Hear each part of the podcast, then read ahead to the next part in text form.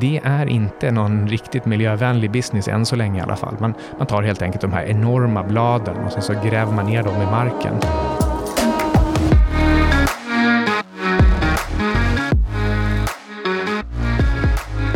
Hej, du lyssnar på Antilop nummer 143. Det är onsdag den 18 oktober. Jag heter Carl Mikael Syding. Jag tänkte prata om det här med att stöka runt och ha sönder grejer för att se vad som funkar. Eller move fast and break things. Nu verkar det vara mycket mer fokus på break snarare än att skapa förutsättningar för effektiv och uthållig tillväxt. Lite mer specifikt så gäller det här förnybar energi, där kinesisk kolkraft driver en enorm och smutsig gruvnäring i Kina. Och det här är förutsättningen för självgoda batteribilsköpare i väst. Och de här köparna av snabba batteridrivna bilar, de verkar ju ändå mest fokusera på dragracing-möjligheterna med sina, sina elbilar, snarare än att det här skulle vara bra för miljön. Och bra för miljön är det ju inte när man bränner en massa kol och eh, våldtar miljön för att gräva upp sällsynta jordartsmetaller som man sen eh, måste raffinera med massa vidriga kemikalier. Så det, det är inte bra när man rör sig för snabbt i just organiska, komplexa, känsliga ekosystem. Det här gäller både den biologiska miljön, ehm, så fort man har försökt göra något, någon, någon, stor insats, en stor mänsklig insats, till exempel som i, i, Kinas Great Leap, som snarare blev Great Sleep, som är, som är i döden, när eh, ett av, en av åtgärderna man gjorde, det var att man tyckte att eh, fåglar äter upp grödorna.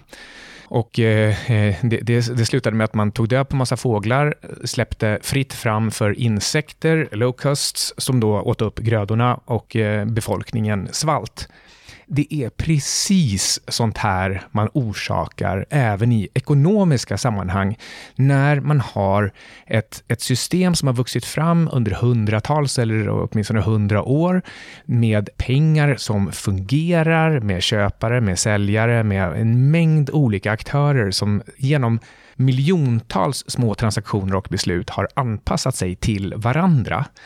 Då är det inte läge att från centralt håll försöka styra det här. Definitivt inte genom plötsliga märkliga förändringar.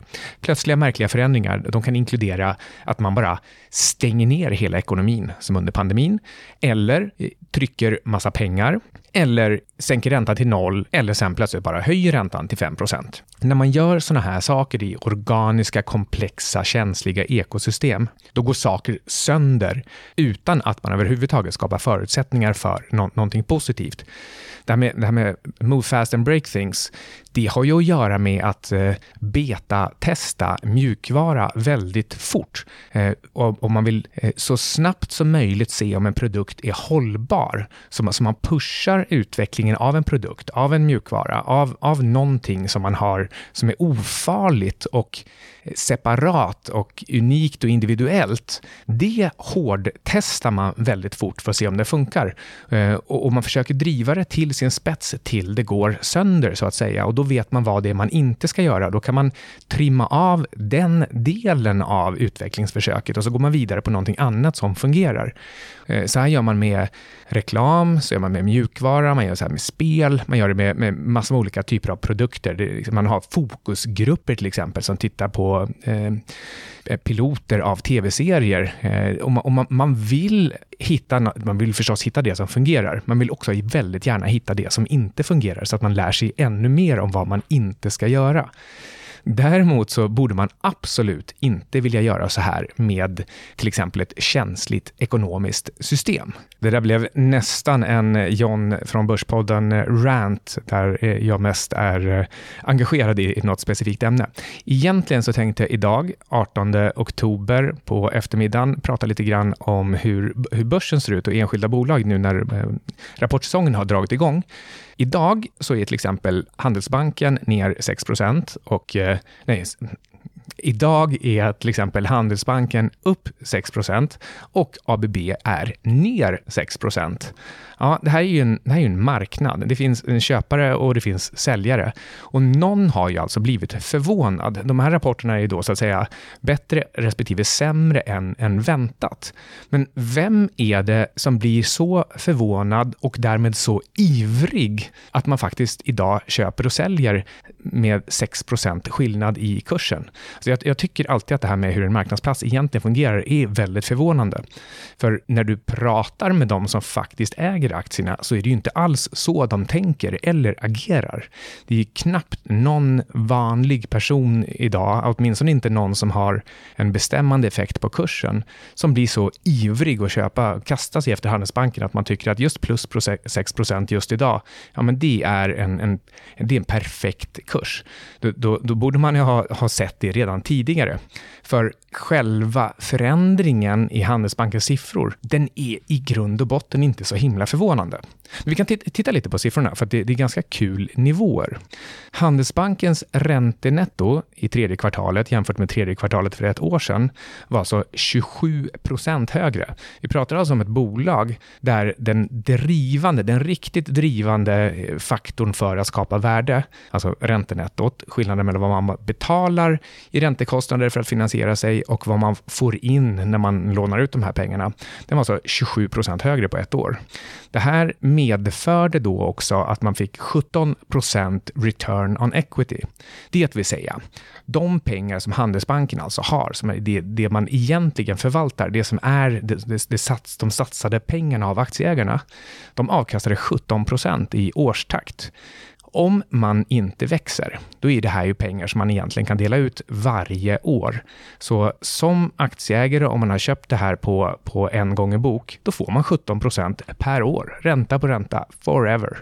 Det är ju ändå en, en, en ganska så eh, bra kalkyl. När man tittar vidare på siffrorna så kan man också konstatera att nettovinstmarginalen efter skatt, alltså nu pratar vi vinst efter alla skatter och så dividerat med alla intäkter. Den var 50 procent. Så det verkar ju ändå ganska kul att bedriva en, en trött gammal, nästan eh, monopolbank i Sverige. Så 50 procent nettovinstmarginal efter skatt.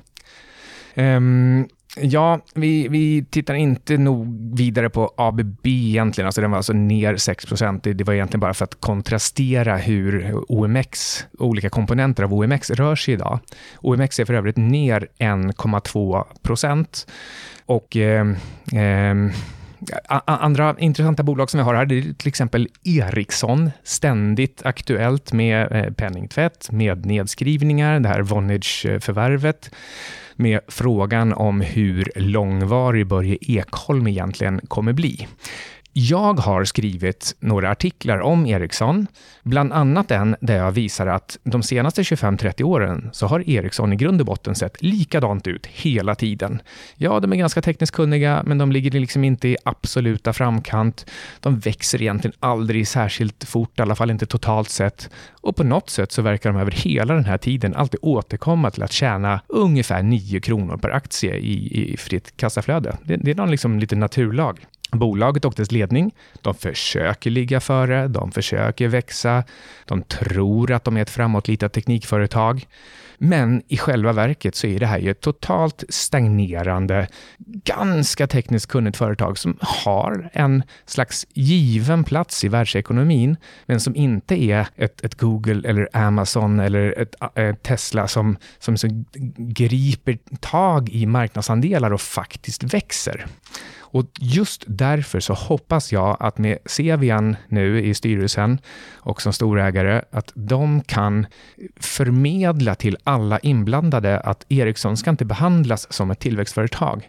Det här ska behandlas som en kassako där man ständigt trimmar fettet. Det handlar alltså om att skapa en verklighetsförankring, att se vad Ericsson faktiskt är. Och om man då kan ha 9, låt oss säga 10 kronor per aktie för att kunna räkna jämnt på aktiekursen eh, 50 kronor, ja, men då har man 20 procent free cash flow yield. Det här är pengar som om man struntar i massa extra investeringar, dumma förvärv, tro på, på tillväxt, då är det 20 procent som man kan dela ut i teorin varje år. De pengarna kan aktieägarna ta och köpa nya aktier för, till exempel Ericsson, och så länge aktien står på den här nivån, ja, men då, då, då får man de här 20 procenten och dessutom eh, så, så kan man ju köpa eh, 20 procent fler aktier. I själva verket så kommer ju såklart aktien eh, stiga om man fortsätter med det här frikassaflödet. Men i vilket fall som helst, om man inte tror att Ericsson ska bli ett helt annorlunda företag från nu och framåt, alltså ett mycket, mycket sämre företag än de senaste 25-30 åren, ja då har man de här nästan 20 procent free cash flow yield. Det är ju ett, i sådana fall, fantastiskt billigt företag. Så det är ju så billigt att jag vågar ju förstås inte tro att det, att det är så här det kommer bli, utan marknaden har nog helt enkelt snokat rätt på att det är någonting som är mycket mer ruttet i Ericsson egentligen. Ja, det finns många billiga aktier faktiskt, ser ut som, på börsen. Det gäller inte minst småbolagen, men som sagt, alltså även inom OMX så är det många, många alltså Ericsson, bankerna, ABB kanske inte är direkt billigt, men inte så dumt heller och dessutom verksamt inom en riktig nyckelindustri, alltså eh, energi. Och ändå så har vi den här lite eh, jobbiga signalen att OMX på 2144 idag, det är 3 under 200 dagars glidande medelvärde.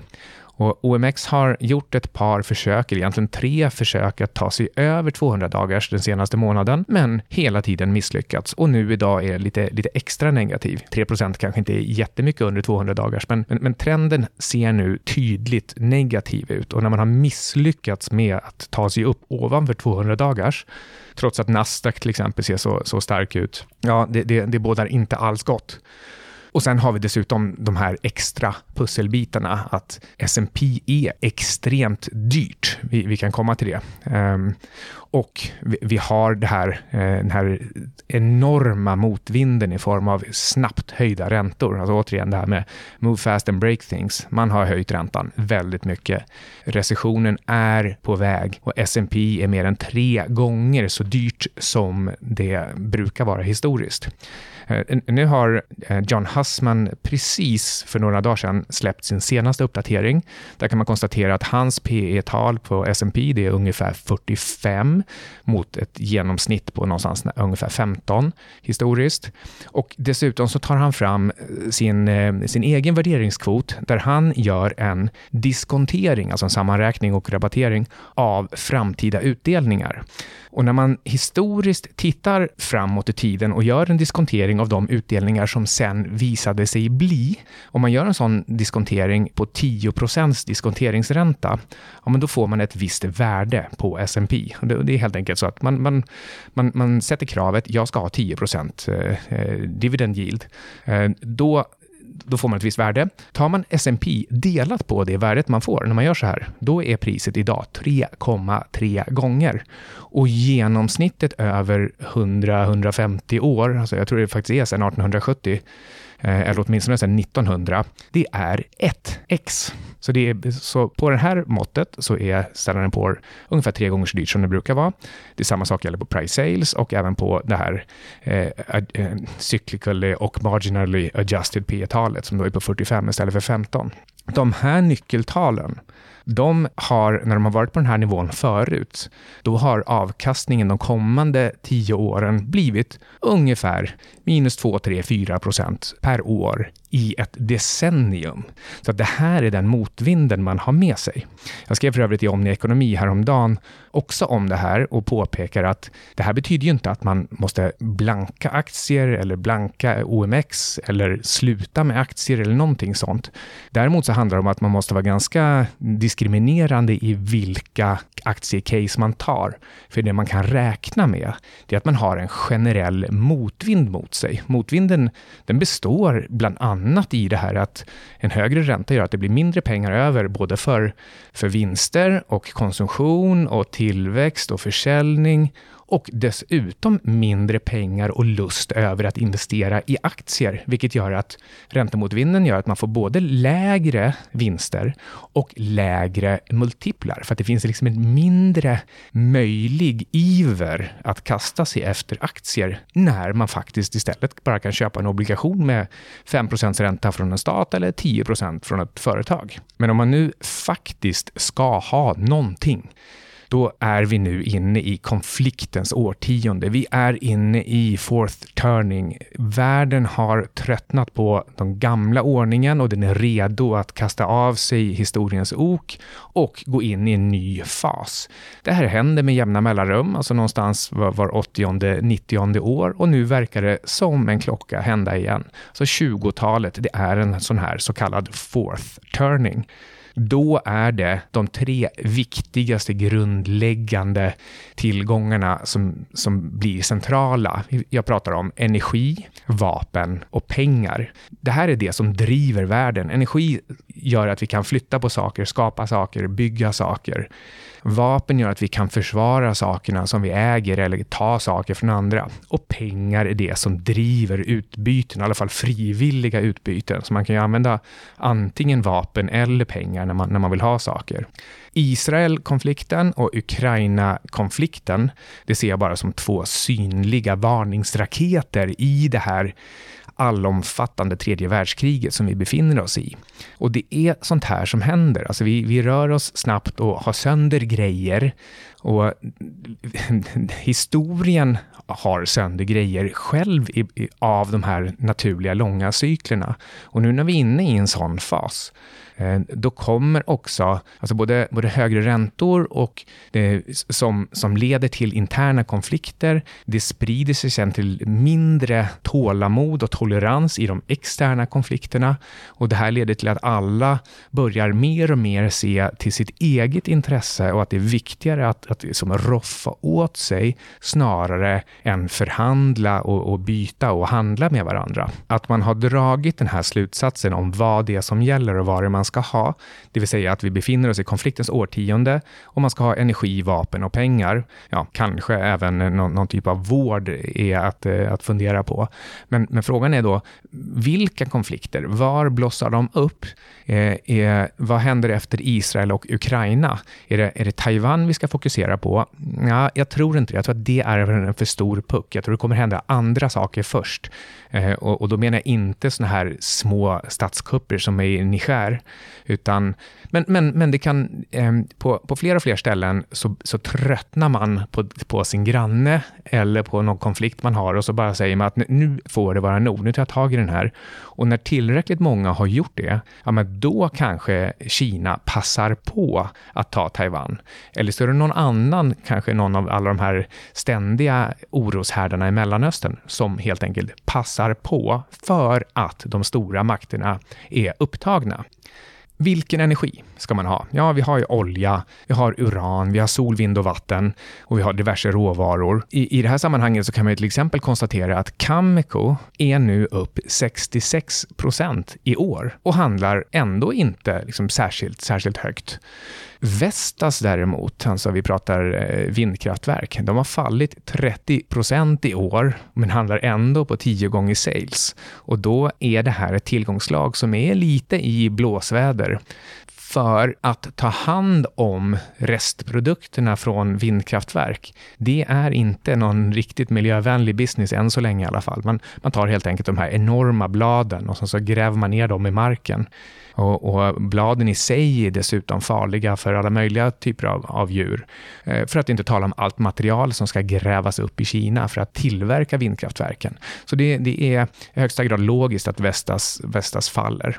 Eh, I, I uransektorn så kan vi också lyfta fram det här pyttelilla bolaget Uranium Royalty Corporation. De försöker bli eh, Ja, men, men eh, de, de, de försöker bli eh, en, en på sikt storspelare inom uran, precis som andra royaltyföretag har blivit inom guld. Och URC är upp 44 procent räknat i Kanada-dollar bara sedan juli. Och det är trots att de har fallit 20 procent i oktober. Och det är väl så, liksom, i uransektorn så är det ganska stora slag. Och på ett sånt här nedställ, 20 procent alltså bara i oktober, det, det kan ju visa sig vara ett jättebra köpläge. Obstock, absolut ingen rekommendation. Ska man göra en analys av URC så får man göra den själv, hur svårt det än är. Och eh, uran är ökänt, eh, ryckigt och stökigt och eh, nyckfullt. Går vi vidare till vapen, ja men då kan man ju verkligen fundera på om man ska fokusera på externa konflikter eller interna konflikter. Kanske är det så att det är inom länder och inom inte minst USA som stökigheterna blir som störst innan det blir några externa konflikter. På de externa konflikterna, ja men då kan vi se Saab som är upp väldigt kraftigt i år, om det är 35-40 procent. Men, men, och, och, det kan vara bland annat för att Saab är att ses som, som i alla fall lite av en neutral spelare. Och visserligen en, en eh, lågprisspelare eh, med kanske inte de allra bästa produkterna, men väldigt bra price performance. Um, men kanske passar det i, i, tiden. Jag vet inte själv. Själv tycker jag Saab är, är lite dyrt. Um, och, men tittar vi istället på det här lite spännande interna konflikter och möjlighet kanske till uppköp, eh, just bara för att bolaget är så litet, så är det Smith and Wesson. Alltså vi pratar ju alltså om den här klassiska gamla eh, revolvertillverkaren som är upp 64 procent i år. Är, är det att Eh, Eh, Joe Sixpack håller på att förbereda sig för ett inbördeskrig i USA. Ja, riktigt så långt ska vi nog inte gå, men det är eh, spännande att eh, man ska liksom alltid köpa eh, olja, guld och Smith Wesson när det brinner till lite i världen. Och Smith Wesson är bara värderat till 0,66 miljarder dollar. Så det här är ju en, verkligen en liten, liten, liten munsbit om det är någon annan spelare som, som skulle vara intresserad av att, eh, att ta den här fantastiska varumärket varumärket. Och i frågan om vapen, energi och pengar så kommer vi till pengar. Vilka pengar? Ja, vi har lite olika varianter. Vi har till exempel guld, men också lillebror silver.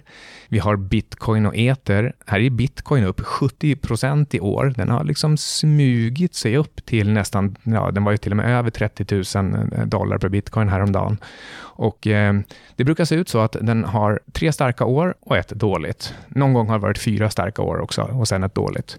Det dåliga året var förra året och i år är vi alltså upp redan 70 procent. Och det är väl egentligen 2024, 2025 som borde vara de, de riktigt starka åren för att passa in i, i mönstret. Det är 2024 som vi har halveringen, alltså den här belöningshalveringen som ja, enligt vissa teorier kan, kan sägas påverka då tillgången på bitcoin, kostnaden för att ta fram bitcoin och när kostnaden stiger, ja, då blir det en dynamik som gör att priset måste också upp för att allting ska gå ihop.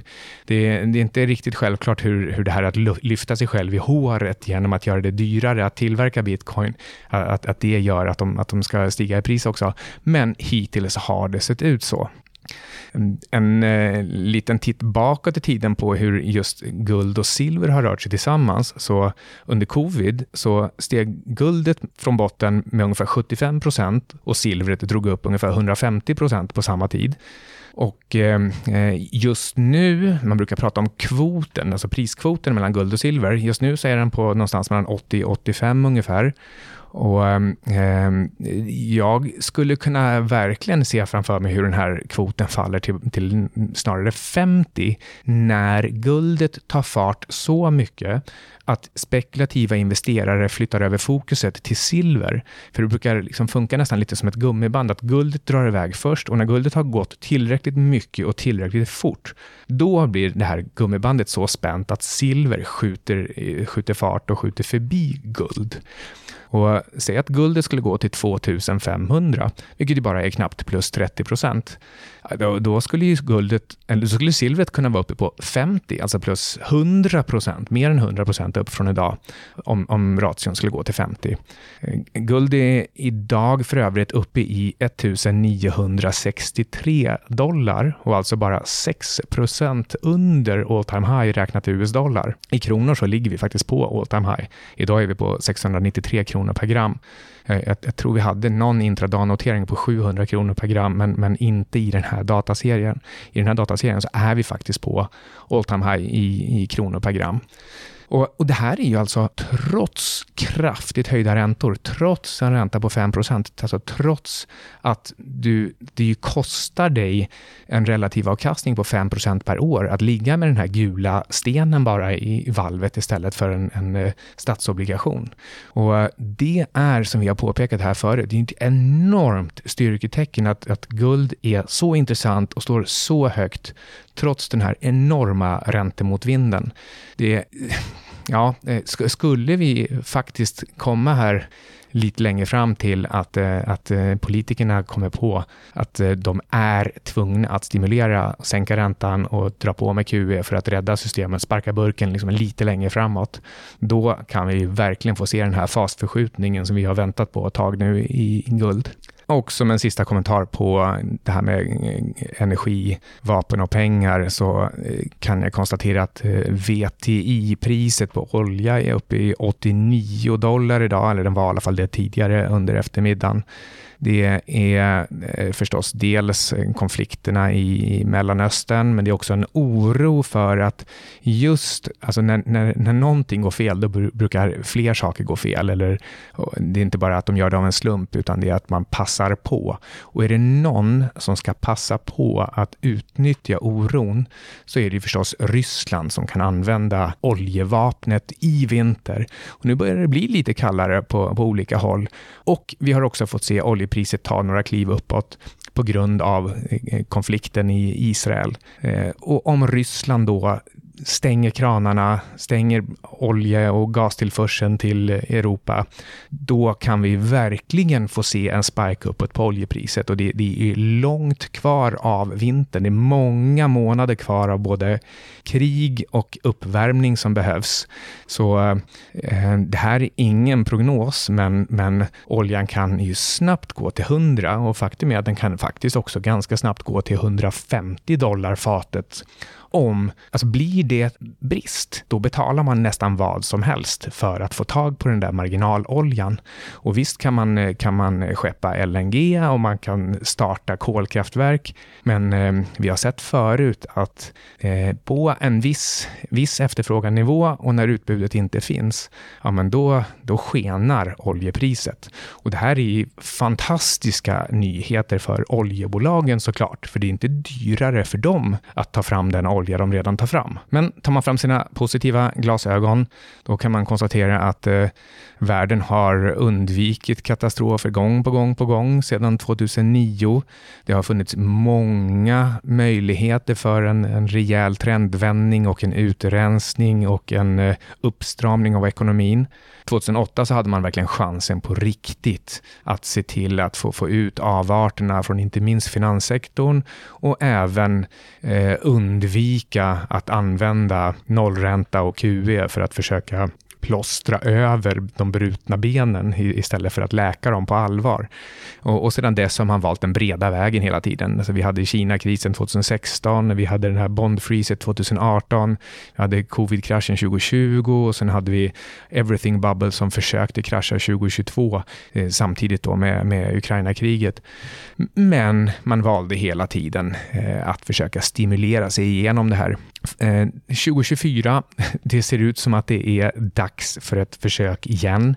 Vi har extremt eh, dyr S&P, vi har en recession på gång, vi har eh, det här, det här tredje världskriget med små uppblossande varnings, varningstomtebloss hela tiden. Ehm, men, men frågan är om de till slut blir så pass många och allvarliga att det faktiskt också blir en, en flight to safety på marknaderna.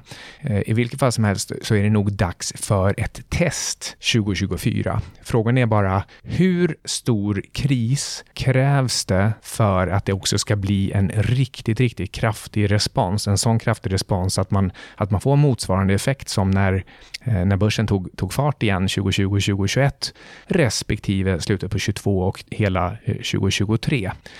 Jag tror att det inte är någon tvekan om att myndigheterna inte har några andra verktyg än att trycka på eh, penningtryckarknappen. Eh, men däremot så eh, har jag inget svar alls på hur djupt hinner vi gå innan man kommer dit.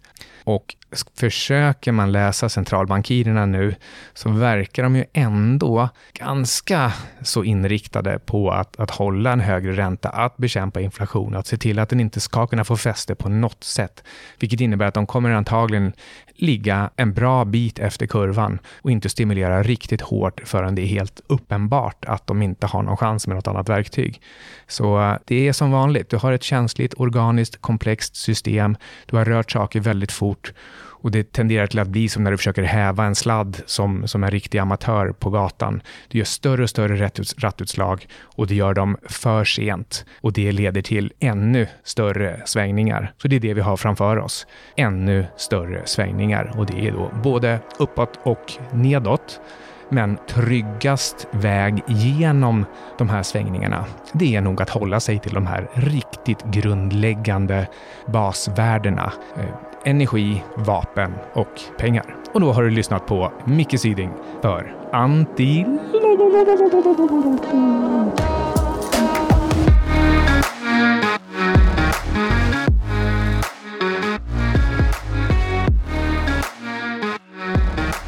Tänk på att ingenting du har hört i den här podden är någon rekommendation att köpa eller sälja finansiella instrument. Alla investeringar är förknippade med risk och eh, du kan förlora stora delar eller hela ditt kapital eller till och med mer om du är riktigt dum och använder belåning. Vi försöker underhålla och utbilda och vi använder källor som vi tycker är tillförlitliga men eh, vi kan inte garantera äktheten eller riktigheten i, i någonting av det vi pratar om. Och för guds skull, gör din egen analys. I can't stress this enough.